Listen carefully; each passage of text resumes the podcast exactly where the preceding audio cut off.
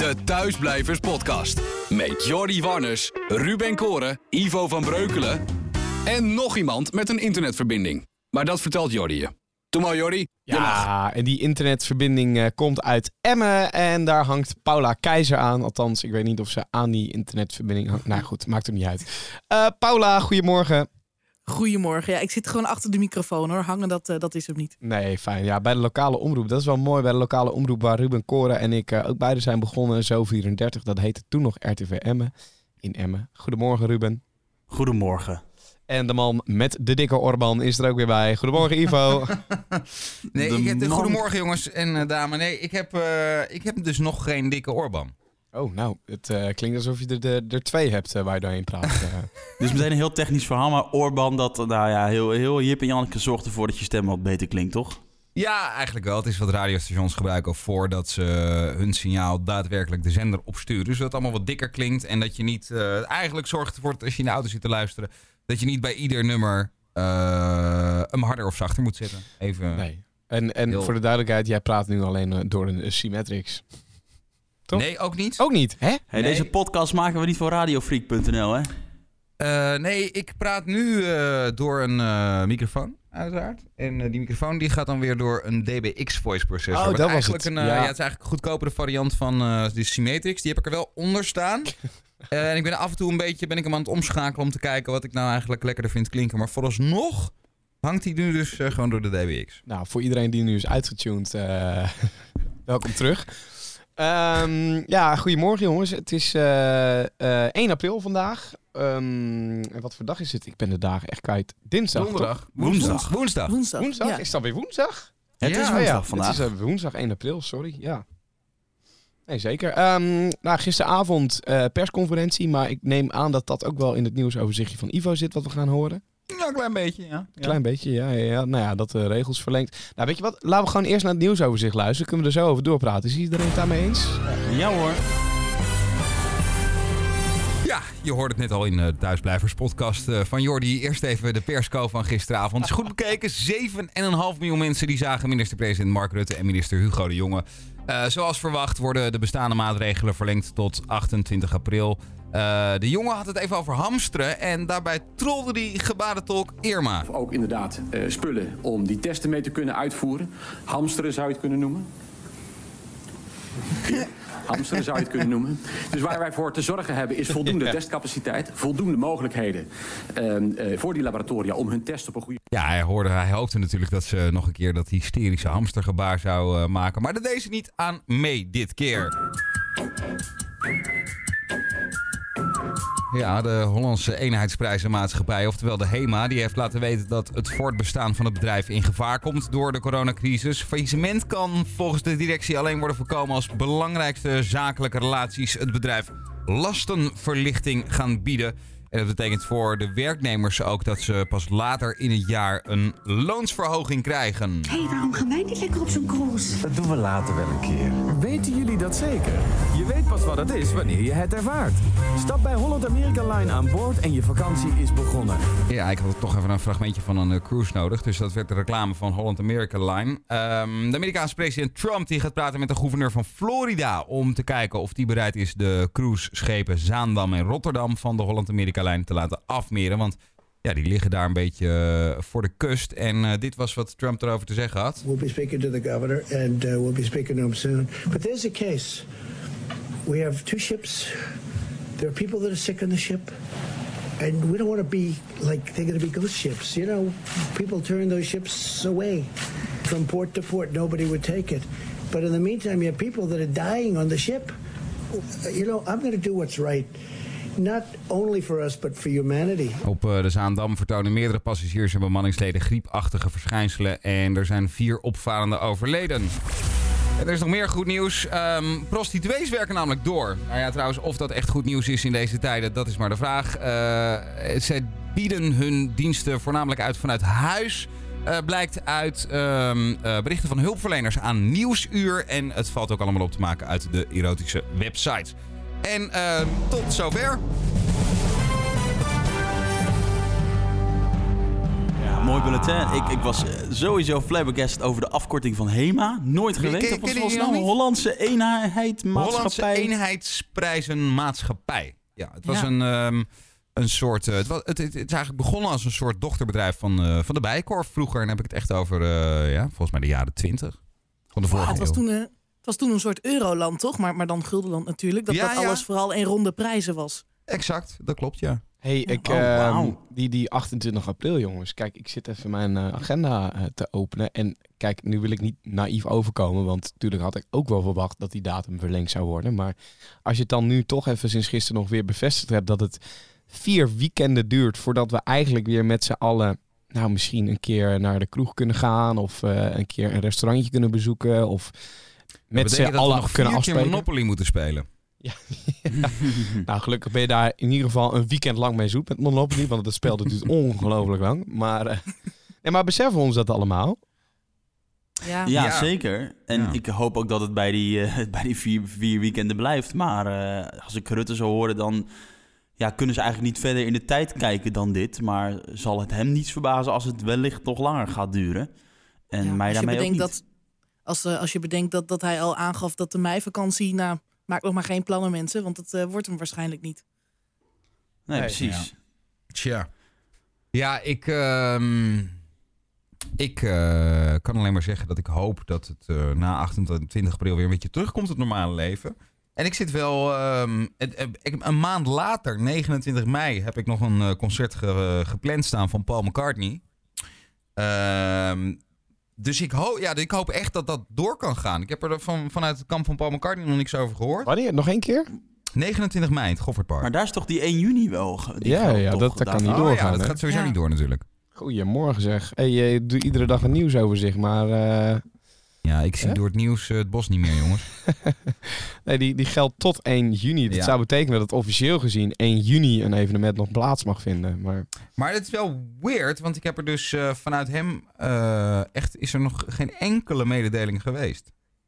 ja, Nee, dat is wel vanuit de organisatie niet. Ook, ook niet van Ticketmaster bijvoorbeeld. En ik had ook nog een ander concert gesta- gepland staan in april. Nou, daar heb ik een poosje, volgens mij een, een week geleden of zo, netjes een mailtje over gekregen dat het gecanceld is en dat je je geld terugkrijgt. Ehm, Ja. Maar eh, eh, in dit geval niet. Ja, ja, ik, ja dat- ik kan me voorstellen dat ze met een soort compleet plan willen komen voordat ze daarmee eh, naar de, Ja. de klant of de bezoeker gaan natuurlijk. Dus ja, zo'n hele tour zal opnieuw ingepland moeten worden. Dat is natuurlijk een, een puzzel van heb ik jou daar. Dus ja, ik, ik hoop voor je dat die wordt uitgesteld en dat je hem gewoon later kunt, kunt inhalen. Dat hoop ik ook, ja. Hey, ehm, Paula, jij eh, bevindt je in, eh, in Emmen. Eh, voor de duidelijkheid, wij zijn met z'n drieën eh, op Ameland geweest. Dat is, nou ik Ja. weet niet eens meer hoe lang dat geleden is. Is het een maand al inmiddels? Twee weken, Nee, twee weken ja. Nee. Ja. Ja, oh ja, twee weken. Ja, zo. Ja. Nou, er Ja, gebeurt ja. nu zoveel. Kijk, aan de ene kant is, het iedere, is iedere dag even lang, maar aan de andere kant, eh, hè, persconferentie hier, persconferentie, dat het heel lang geleden lijkt. Maar goed, ter- terug naar Ameland, ja? Ja, twe- twee weken zijn we, tweeënhalf weken eh, geleden zijn we daar geweest. En eh, toen met, met 14 man in een, in een huisje. Nou, dat durf ik inmiddels gelukkig te zeggen, want geen van ons heeft na de twee weken incubatietijd volgens mij corona.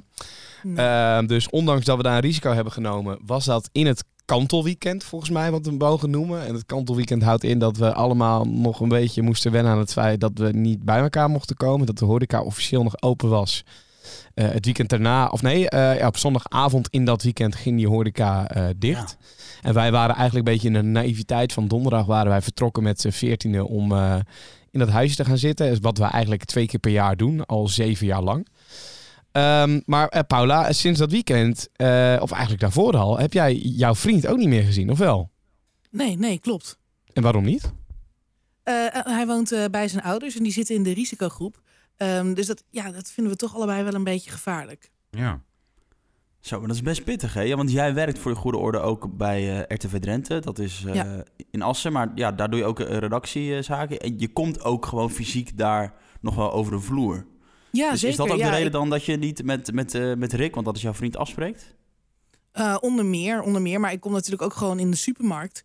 Ehm, en, en inderdaad, dus veel op de, veel op de redactie. Als, ik kom in de studio. En eh, ja, dat, dat is wel een, ja, het lijkt ons wel gevaarlijk, omdat het besmettingsgevaar dan toch groter is. Ondanks dat je heel goed kan opletten hoor. Want, want ik let wel echt op anderhalf meter afstand. Was vaak mijn handen. Ik heb ontsmettingsmiddel bij me.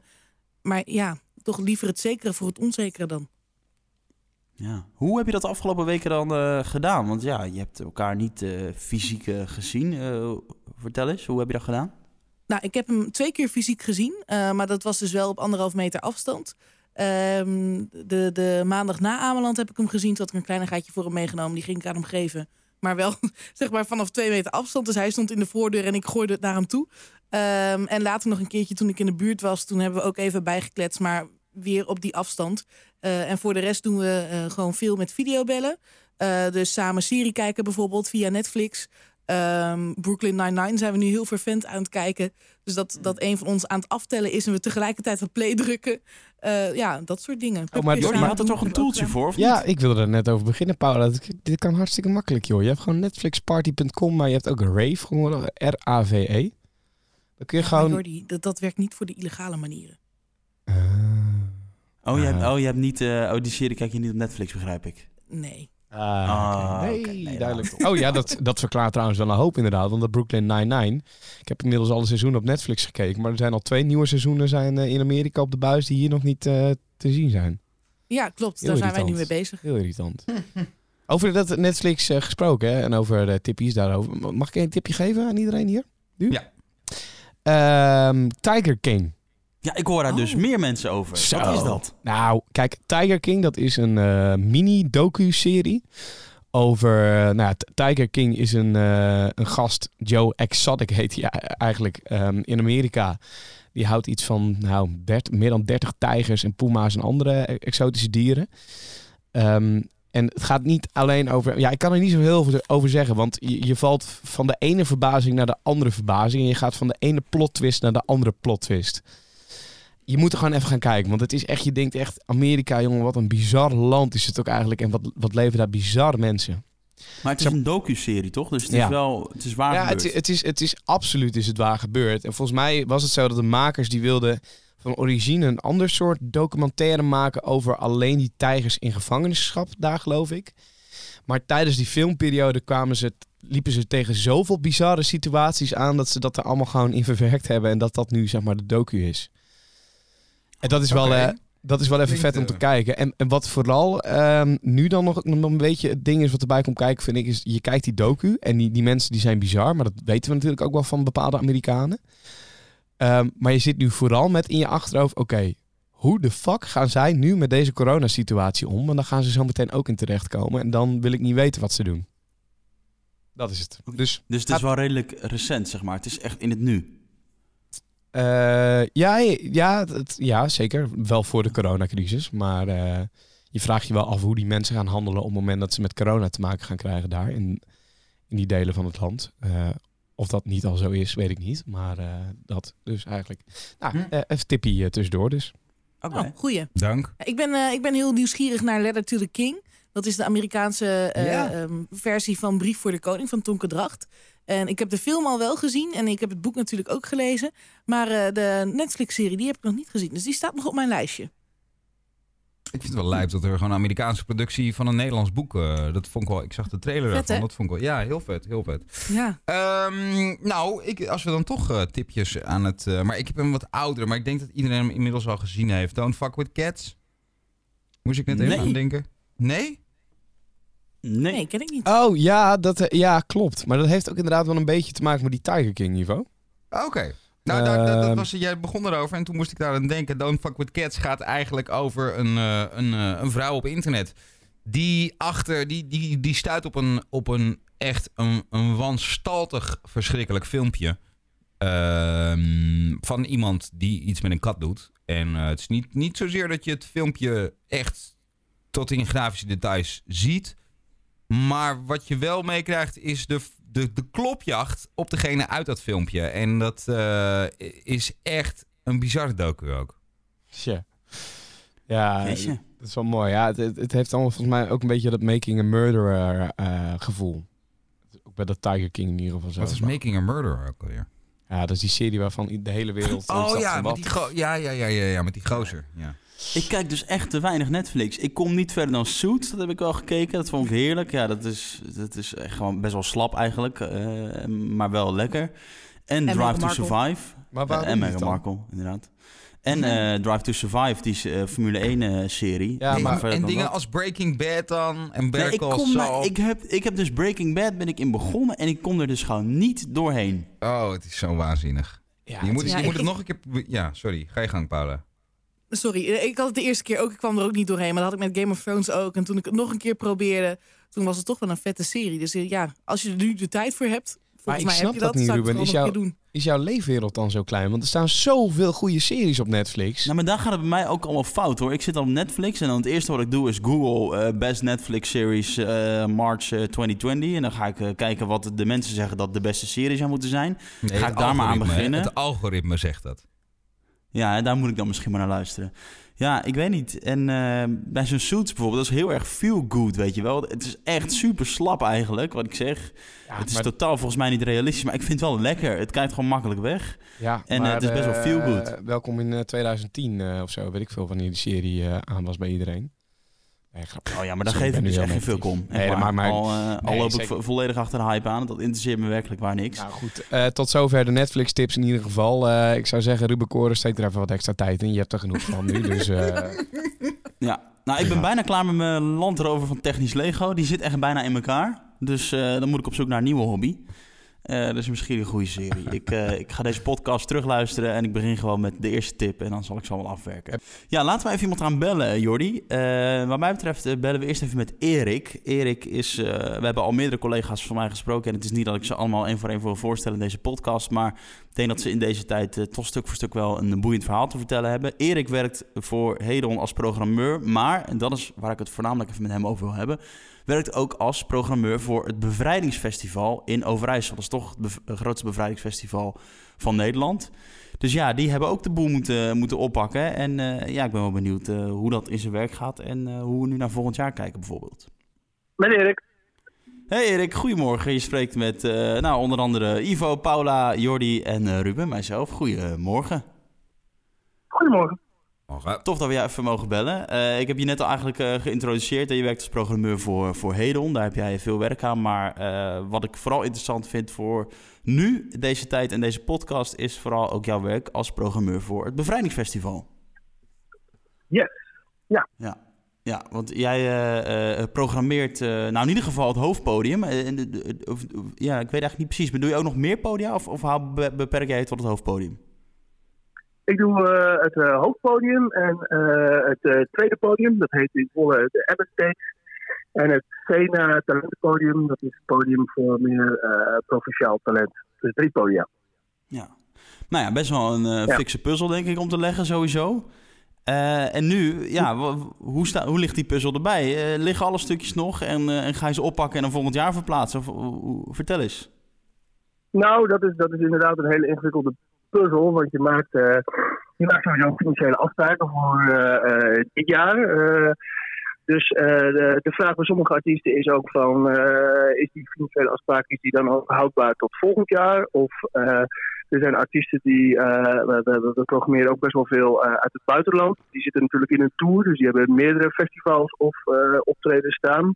Kunnen die volgend jaar weer dezelfde festivals doen? Dus dat is eigenlijk bijna voor elk artiest eh, is, er- is, er, is er wel iets anders aan de hand, waardoor het constant tunen is van oké, dit gaan we met deze artiest doen. Eh, deze artiest die eh, komt voorlopig niet meer terug. Maar ja, zo ben je met elke artiest gewoon aan het kijken wat je kan doen. Hey, en Erik, is het dan wel de wens zeg maar, vanuit jullie als organisatie dat de line-up hè, in de ideaalste geval hetzelfde zou zijn als dat jullie dat nu gepland hadden? Ja, in ieder geval die intentie die eh, spreken we uit naar alle artiesten.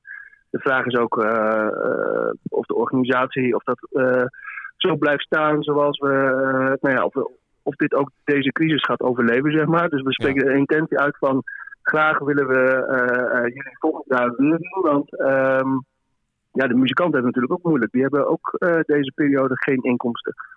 Nee. En hoe zit het met amb- ambassadeurs van de vrijheid dan? Worden die dan ook opgepakt en volgend jaar eh, weer uit de helikopter gegooid? Ja, daar heb ik nog niks over gehoord vanuit het Nationaal Comité. Het zou kunnen hoor, dat het eh, net als bij het Songfestival, denk ik, eh, is ook hetzelfde dat, dat de artiesten gewoon volgend jaar weer meedoen. En eh, misschien is dat bij de helikopter-X ook wel zo. Nou zou dit jaar natuurlijk 75 jaar vrijheid zijn. Nou ja, dat kun je moeilijk eh, verplaatsen naar volgend jaar, want dan klopt die 75 jaar niet meer. Maar eh, ik kan me voorstellen dat het extra groot is daardoor. En, en, en, en het eh, was 5 mei van dit jaar ook een nationale feestdag. Nou weet ik niet of jij daar iets over weet, maar ja, gaan we dat dan volgend jaar met z'n allen toch nog op dezelfde manier vieren? Nou, wij staan er wel in dat we hopen dat het volgend jaar een dubbel groot feest wordt.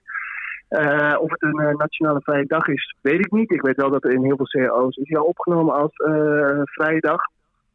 En de, ja, de vraag is ook gewoon van, ja, hoe gaat, eh, hoe gaat het culturele landschap eruit zien na deze coronacrisis?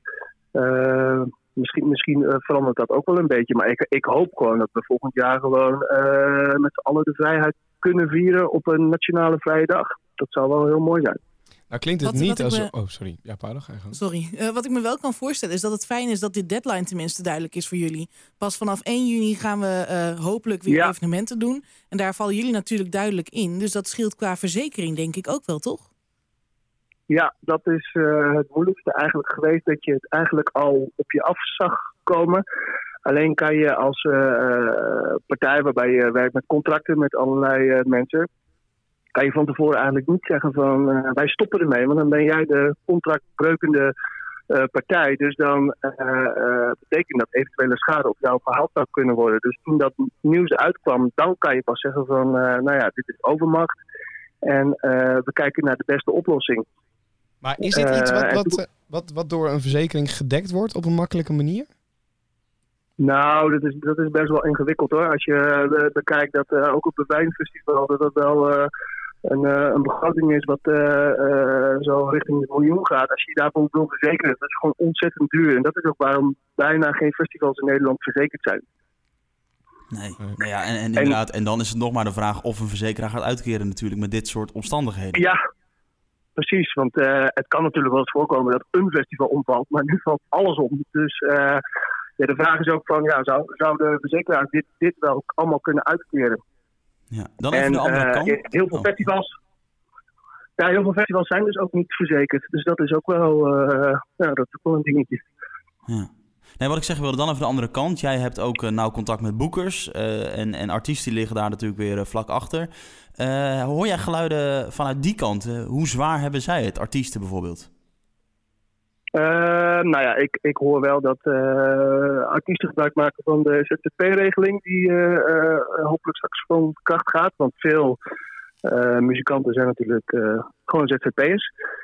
En gisteren las ik de eerste berichtgeving over dat ze toch een noodfonds willen gaan starten voor muzikanten. Dus ja, ik hoop echt dat, ehm, nou ja, dat er geld blijft gaan naar artiesten. Wel nieuwe initiatieven.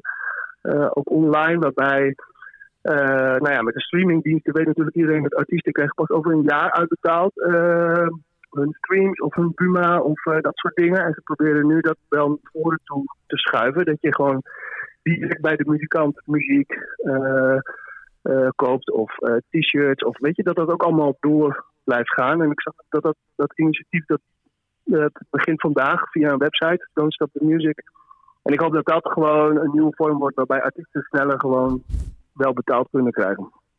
Ja. Ja, mooi. Ik hoorde dat ook al in een andere podcast. De Machine, die gaat eigenlijk ook over de muziekindustrie. eh, en daar werd ook gezegd van ja, koop juist nu gewoon een cd van je of een LP van je favoriete band. Of koop een shirtje, weet je wel. Ja, dat is toch zijn belangrijke inkomsten. Ja, zeker. En die worden juist gemist eh, eh, ja, tijdens shows. Tijdens shows worden natuurlijk heel veel ook merchandise verkocht en cd's en vinyl en dat soort dingen. Maar ja, ook de platenzaken zitten op slot. En ehm, ja, koop inderdaad online of koop gewoon eh, rechtstreeks. Of Bandcamp is een eh, site waarbij eh, artiesten ook rechtstreeks het geld krijgen. Dat zijn allemaal wel goede initiatieven om gewoon de artiest nu te helpen in plaats van over een tijdje.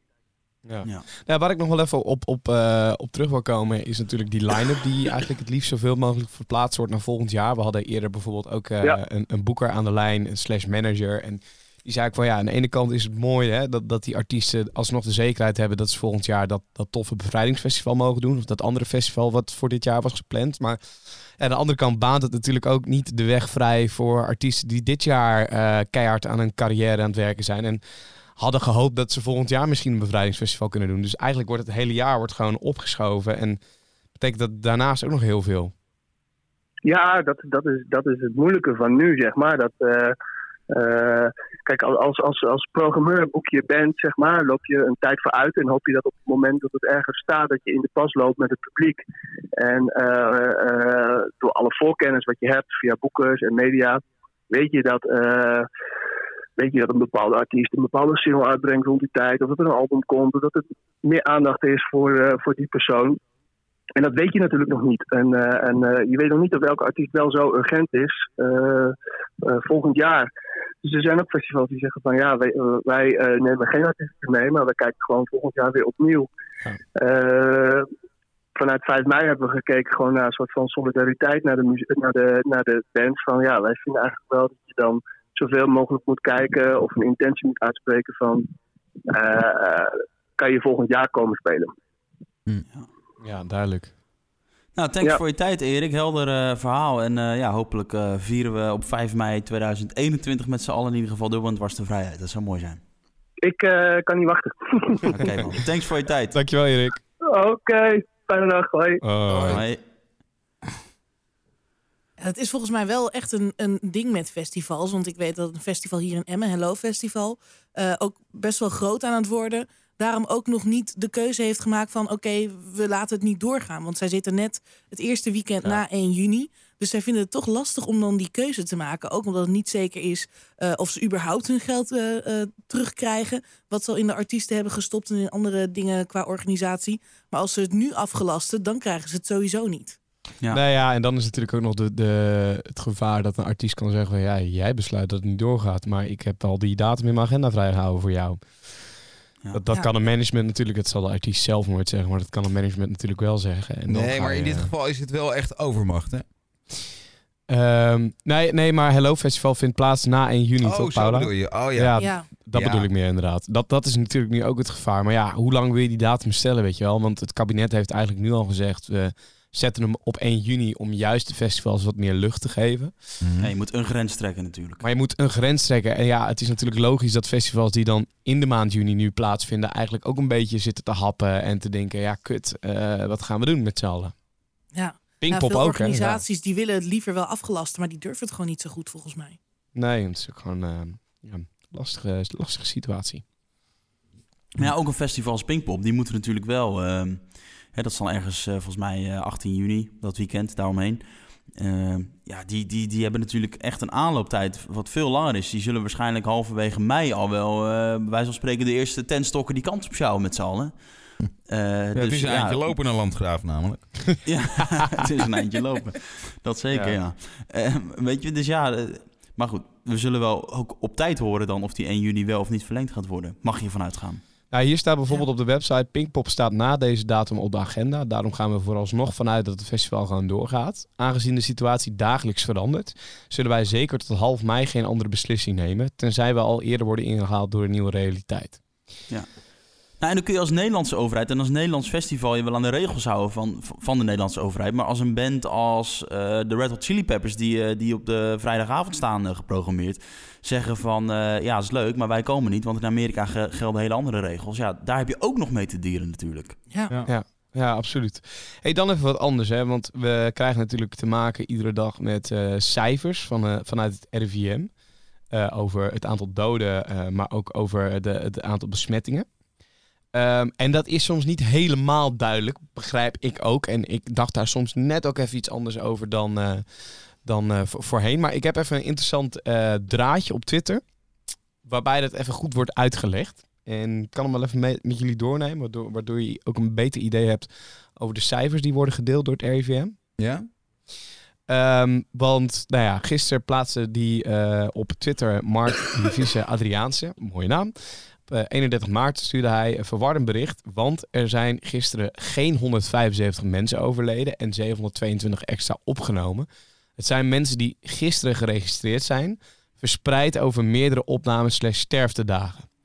Ehm, vooralsnog is 28 maart de dodelijkste dag, 126 coronadoden. Opnames en doden worden vertraagd geregistreerd, waardoor toename per dag vaak kleiner is dan uit RIVM-berichten blijkt. 722 extra opnames in één dag klinkt enorm, maar vooralsnog is 24 maart de dag met de meeste nieuwe opnames. Dat zijn er 480.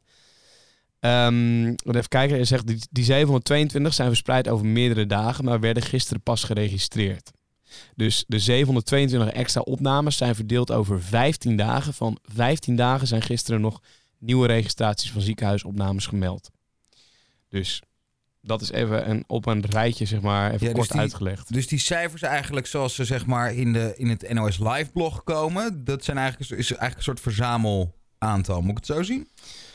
Nou ja, samengevat zegt hij dus ook de, 700, de plus 722 nieuwe ziekenhuisopnames zijn verspreid over 15 dagen en de 175 doden zijn verspreid over 8 dagen. En ja, ja dat, dat blijkt soms in het persbericht wat RIVM stuurt of wat dan op de NOS wordt doorgeplaatst een beetje onduidelijk te zijn. Maar als je de cijfers bekijkt van het RIVM zelf, dan zou dat eruit blijken. Maar daar moeten we dus wel even, hè, als we die cijfers zien, even in ons hoofd ermee rekening houden dat er niet in één dag 175 mensen zijn overleden.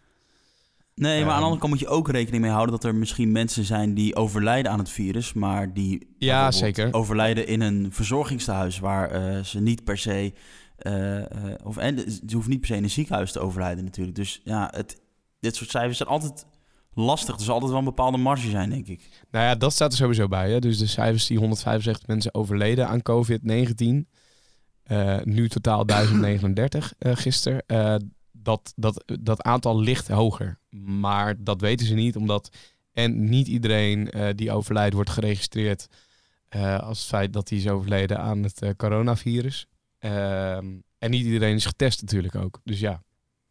Ja. ja, het is sowieso heel erg verwarrend hoor. Dat merk ik ook op, eh, op de redactie van RTV Drenthe. Ehm, want eh, wij houden de cijfers daar aan van de GGD, de GGD Drenthe. Maar die cijfers die verschillen dus van wat RIVM per provincie naar buiten brengt. Eh, en dat wekt ook wel verwarring bij, bij de lezers bijvoorbeeld van de nieuwsberichten. Eh, en natuurlijk ook bij de redacties zelf. Dus daarom dat er bij ons voor gekozen is om één eh, organisatie aan te houden. Eh, en die ge- zelfs die geven aan van ja, het, het kan zijn dat de cijfers verschillen. Want dit is eh, alleen wat vastgesteld is. Dus echt de testresultaten. Dit zijn de mensen waarvan we nu zeker weten dat die het coronavirus hebben. Eh, en alsnog kunnen die cijfers dan dus heel erg verschillen. Ja. Ja, verwarrend. Maar inderdaad, zeker als nieuwsorganisatie zoals RTV Drenthe... toch wel goed om in ieder geval vast te houden aan één bron. Want anders ga je iedere dag andere soort cijfers brengen. En dan is het helemaal natuurlijk een weerwar van cijfers... en dan weet niemand het meer. En nu komen er al eh, eh, berichtjes van lezers die, die het niet snappen. Van waarom hebben jullie deze cijfers terwijl de RIVM deze cijfers naar buiten brengt? Ja. Een ander cijfer, bruggetje is dit, Mooi. is die anderhalve meter die eh, wij natuurlijk eh, moeten aanhouden. Eh, we hebben het al vaker over gehad in deze podcast. Dat blijkt toch soms moeilijker dan gedacht. En eh, nou, een tijdje op zoek geweest naar een eh, psycholoog die eh, dit kan vertellen. Volgens mij heb ik eentje gevonden. Jordi, kun je Elise bellen? Ik was me een beetje laat op de hoogte van dit bruggetje. Dus ik versnel nu naar mijn bestandje Dat- om het nummer te kopiëren. Ja, doe dat maar. Elise is kinder- en jeugdpsycholoog. Maar heeft natuurlijk ja, veel verstand van het gedrag van kinderen. Maar ook wel gewoon het gedrag van de mens aan zich. Eh, dus hopelijk kan zij ons uitleggen hoe dat toch eh, zo moeilijk is. Hoe het kan dat het zo moeilijk is om die anderhalve meter afstand te houden. Nou, misschien dat ze jouw gedrag ook een keer uit kan leggen dan. Ik ga hier niet op reageren. Moeten we jouw moeder nog even bellen straks, of niet? Ja, ja, ja, ja, ja. Met Elise. Hi Elise, goedemorgen. Je spreekt met eh, een handjevol mensen. Paula, Ivo, Jordi en ikzelf, Ruben. Goedemorgen. Goedemorgen. Goedemorgen. Ja, fijn, dat, fijn dat we- dat, we jou even mogen bellen. Want eh, we hebben al enige tijd een, eh, een, een vraag die eh, misschien meer mensen bezighoudt. Ehm nou, jij weet ook, eh, eh, we moeten anderhalve meter afstand houden. Maar dat blijkt in de Ja. praktijk toch soms moeilijker dan gedacht. Eh, en en Ja. Nou ja, hopelijk kun jij ons uitleggen hoe dat kan. Ja, Ehm, het is natuurlijk wel een interessante vraag inderdaad. Hè? Waarom dat afstand houden en die anderhalve meter nou zo moeilijk is. Eh, omdat we heel erg behoefte hebben aan dat contact maken. Ehm, en dit hebben we eigenlijk ook, je zou zeggen, nodig om te kunnen overleven, hè, dat contact maken. Eh, en dat doen we bijvoorbeeld door aanrakingen, elkaar aan te raken, knuffel te geven, oogcontact maken ehm, of gezichtsuitdrukkingen van elkaar te lezen. Eh, en op anderhalve meter zijn die dingen gewoon veel moeilijker. Ehm, nou heb je bijvoorbeeld, ik noemde net dat, dat uh, elkaar aanraken, knuffels, dat fysieke contact, dat dat zo belangrijk is. en dat is eigenlijk al heel lang bekend. ze hebben ooit in de jaren 50 hebben ze daar onderzoek naar gedaan. Um, en dat was een meneer en die bedacht eigenlijk het volgende onderzoek. Hij had uh, twee uh, nepmoeders, twee uh, nepapen eigenlijk um, gemaakt voor babyaapjes. en hij heeft de ene nepmoeder was warm en zacht, die had een teddyvacht, maar die gaf geen melk. En de andere moeder was van ijzerdraad, maar die gaf wel melk. Um, en als voedsel of uh, puur functioneel contact het belangrijkste zou zijn, dan zou je verwachten dat al die babyaapjes vooral bij die uh, moeder die melk uh, geeft zou zitten, zouden zitten. Um, maar het bleek eigenlijk dat die, al die aapjes zich klampten aan die teddystofmoeder voor het grootste deel van de dag. en alleen om te drinken staken ze even over naar die melkmoeder. Hm. Um, en dat laat eigenlijk wel heel mooi zien dat bij apen, maar dus ook bij mensen, de drang naar dat fysieke contact veel groter is. Uh, dan zelfs de drang naar, naar eten, naar voedsel. Wauw. En, en, en, en is het überhaupt mogelijk dan om die anderhalve meter afstand te houden? Kunnen wij dat wel als mensen? Hoe, hoe, hoeveel tijd hebben we nodig om, om, om dat zeg maar zonder erover na te denken uh, te kunnen?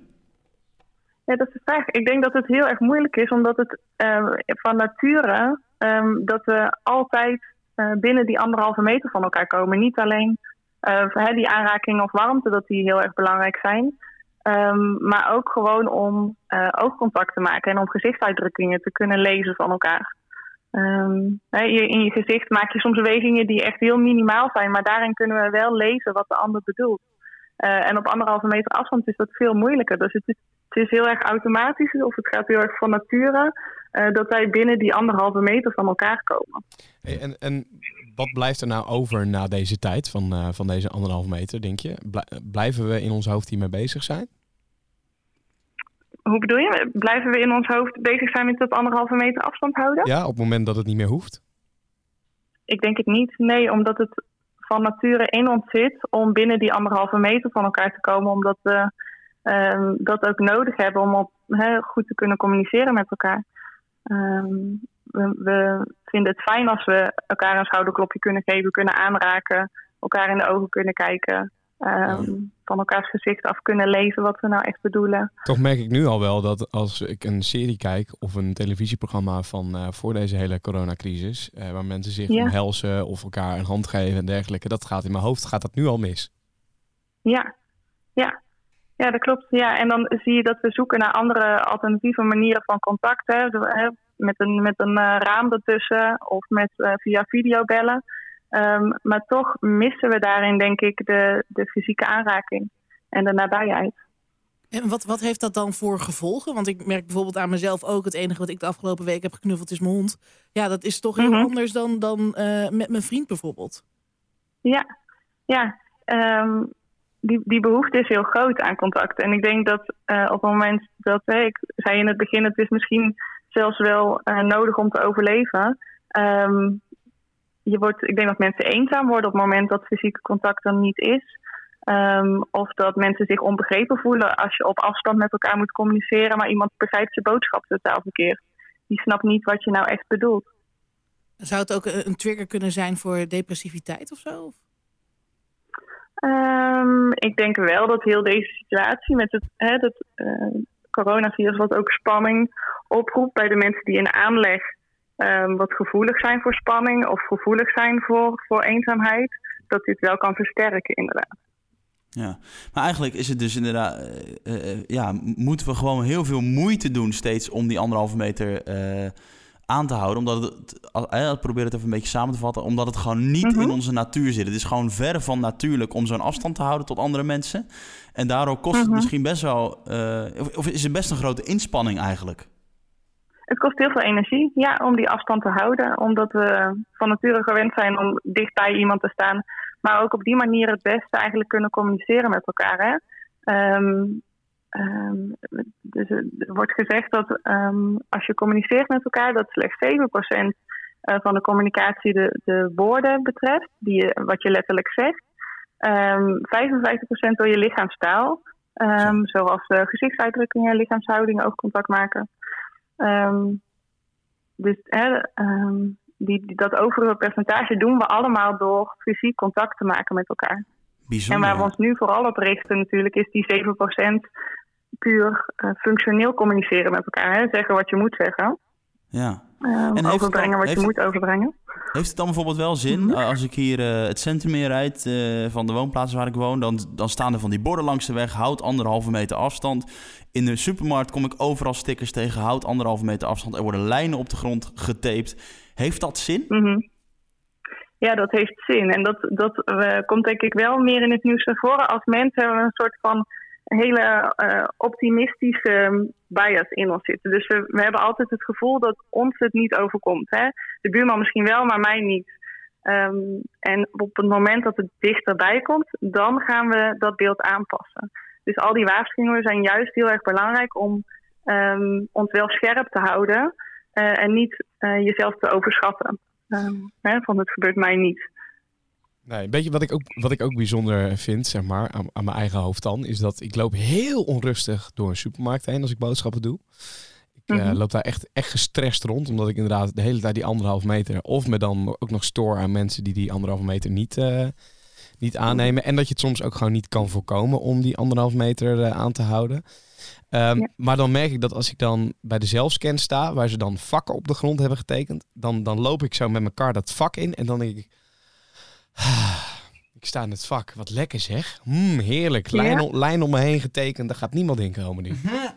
Ja. Ja, ja. ik vind ook wel iets uh, als haringen in een ton hebben of zo. Ook als je binnenkomt. Volgens mij doen we bij dezelfde, doen we bij dezelfde supermarkt boodschappen. Kerk, Kerkenlanden? Nee. Okay. Nee, oké. Okay. Um, maar bij de Jumbo hier, uh, hier in Hilversum. Um, oh ja, bij Laplace daar, toch? Wat zei je? Bij de buurt. De, de Jumbo daar bij de Laplace daar in de buurt. Zeg maar die kant uh, van Hilversum. Bij de hei daar. Nee, nee. Nou, whatever, niet uit. Goed, maakt toch geen ja, maar, ja, maar waarschijnlijk ziet hij daar hetzelfde uit. Het zou goed kunnen. Anyway, je komt binnen en, het, en je ziet gewoon allemaal tussen de kassa's ook allemaal plexiglazen schermen hangen. Het voelt ergens ook wel gewoon een beetje, uh, ja, ik weet het niet. Jij vindt het dan wel relaxed, maar ik vind het ook een beetje, uh, ja, haringen in een ton gevoel oproepen. Ja, ja dus ik, ik snap jouw, um, jouw opmerking dat je zegt het is best relaxed. Want die lijnen die geven een soort van gevoel van controle. He, dat, jij, dat je weet, oké, okay, nou als ik hier sta, dan gebeurt me niks. Dan bepaalt eigenlijk die lijnen bepalen voor jou dat je een soort van veilig bent. Um, ja, dan kun je die controle even uit handen geven. Wat zeg je? Het is uiteindelijk toch de illusie van veiligheid. Zeker in een, in is, een, ja, um, in ja. een supermarkt waar iemand anders voor jou misschien wel de zelfscanner heeft aangeraakt en hem niet heeft afgewassen. Jij dat misschien toevallig ook niet gedaan hebt. Of weet ik veel, uh, je Ja. zit ergens anders aan. Ja, dat. dat, dat, dat, dat. Ja, ja maar de, de illusie wordt inderdaad gecontroleerd of ge- gemaakt. Hè, dat jij eh, op dat moment heb jij de situatie onder controle. Dat jij binnen die lijnen staat, dan is de situatie onder controle. En dat gevoel geeft veel rust. Terwijl als jij in de winkel loopt, moet jij zelf die controle zien te, te behouden. Hè, door die anderhalve meter afstand te houden. En dat, dat geeft juist weer veel meer onrust. Hè, daar constant op moeten letten. Ja, interessant verhaal, Elise. Ik denk dat het wel, uh, wel duidelijk is. Het is natuurlijk allemaal uh, wel te verklaren als je het, als je het zo uitlegt. Um, Mm. Ja, het, even een, een, een, een, eh, een bounty halen in de supermarkt kost gewoon meer energie dan dat het voorheen kost. Omdat je gewoon continu eigenlijk aanstaat om, om, om die uh, ja, Ja, om tegen je natuur in. eh, ja, ja, precies. Ja. Nou, duidelijk. Ja. Nou, dank, dankjewel uh, voor deze hele mooie uh, uitleg. Interessant, heel Mhm. interessant. En, en de, ja, Ja. Nog, een, nog, nog een hele fijne dag dan ook. ja, jullie ook. Jullie eh, succes nog. Dankjewel. Dankjewel. Hoi, hoi. Doei doei. Oké, Hoi. doeg. Echt een heel goed idee, eh, Ruben, om een eh, bounty te halen. Lekker is dat, hè? Ja, en Ja. Bounty is ondergewaardeerd als je het mij vraagt. Ik vind Ja. dat echt lekker, jongen, met die Nou, ik heb, er hier nog, ik heb er hier nog zes liggen die over, over zijn uit zo'n eh, celebrations verpakking, weet je wel. Ja, maar dat zijn kleine. Je, moet- het gaat mij om, echt om die om grote bounty. Het liefst van vo- tankstation waar er dan drie in zitten. Ja. Ah, ja, voor, voor de duidelijkheid, een bounty halen in de supermarkt moet ook gewoon met winkelkar, hè? Dat is wel Ja. gek. Zeker. ja. Jongens, kan iemand Nou, die eindtune instarten? Want Ja, moet er nog? Oké. Tot morgen, jongens. De Thuisblijvers Podcast. Met Jordi Warners, Ruben Koren, Ivo van Breukelen en de rest.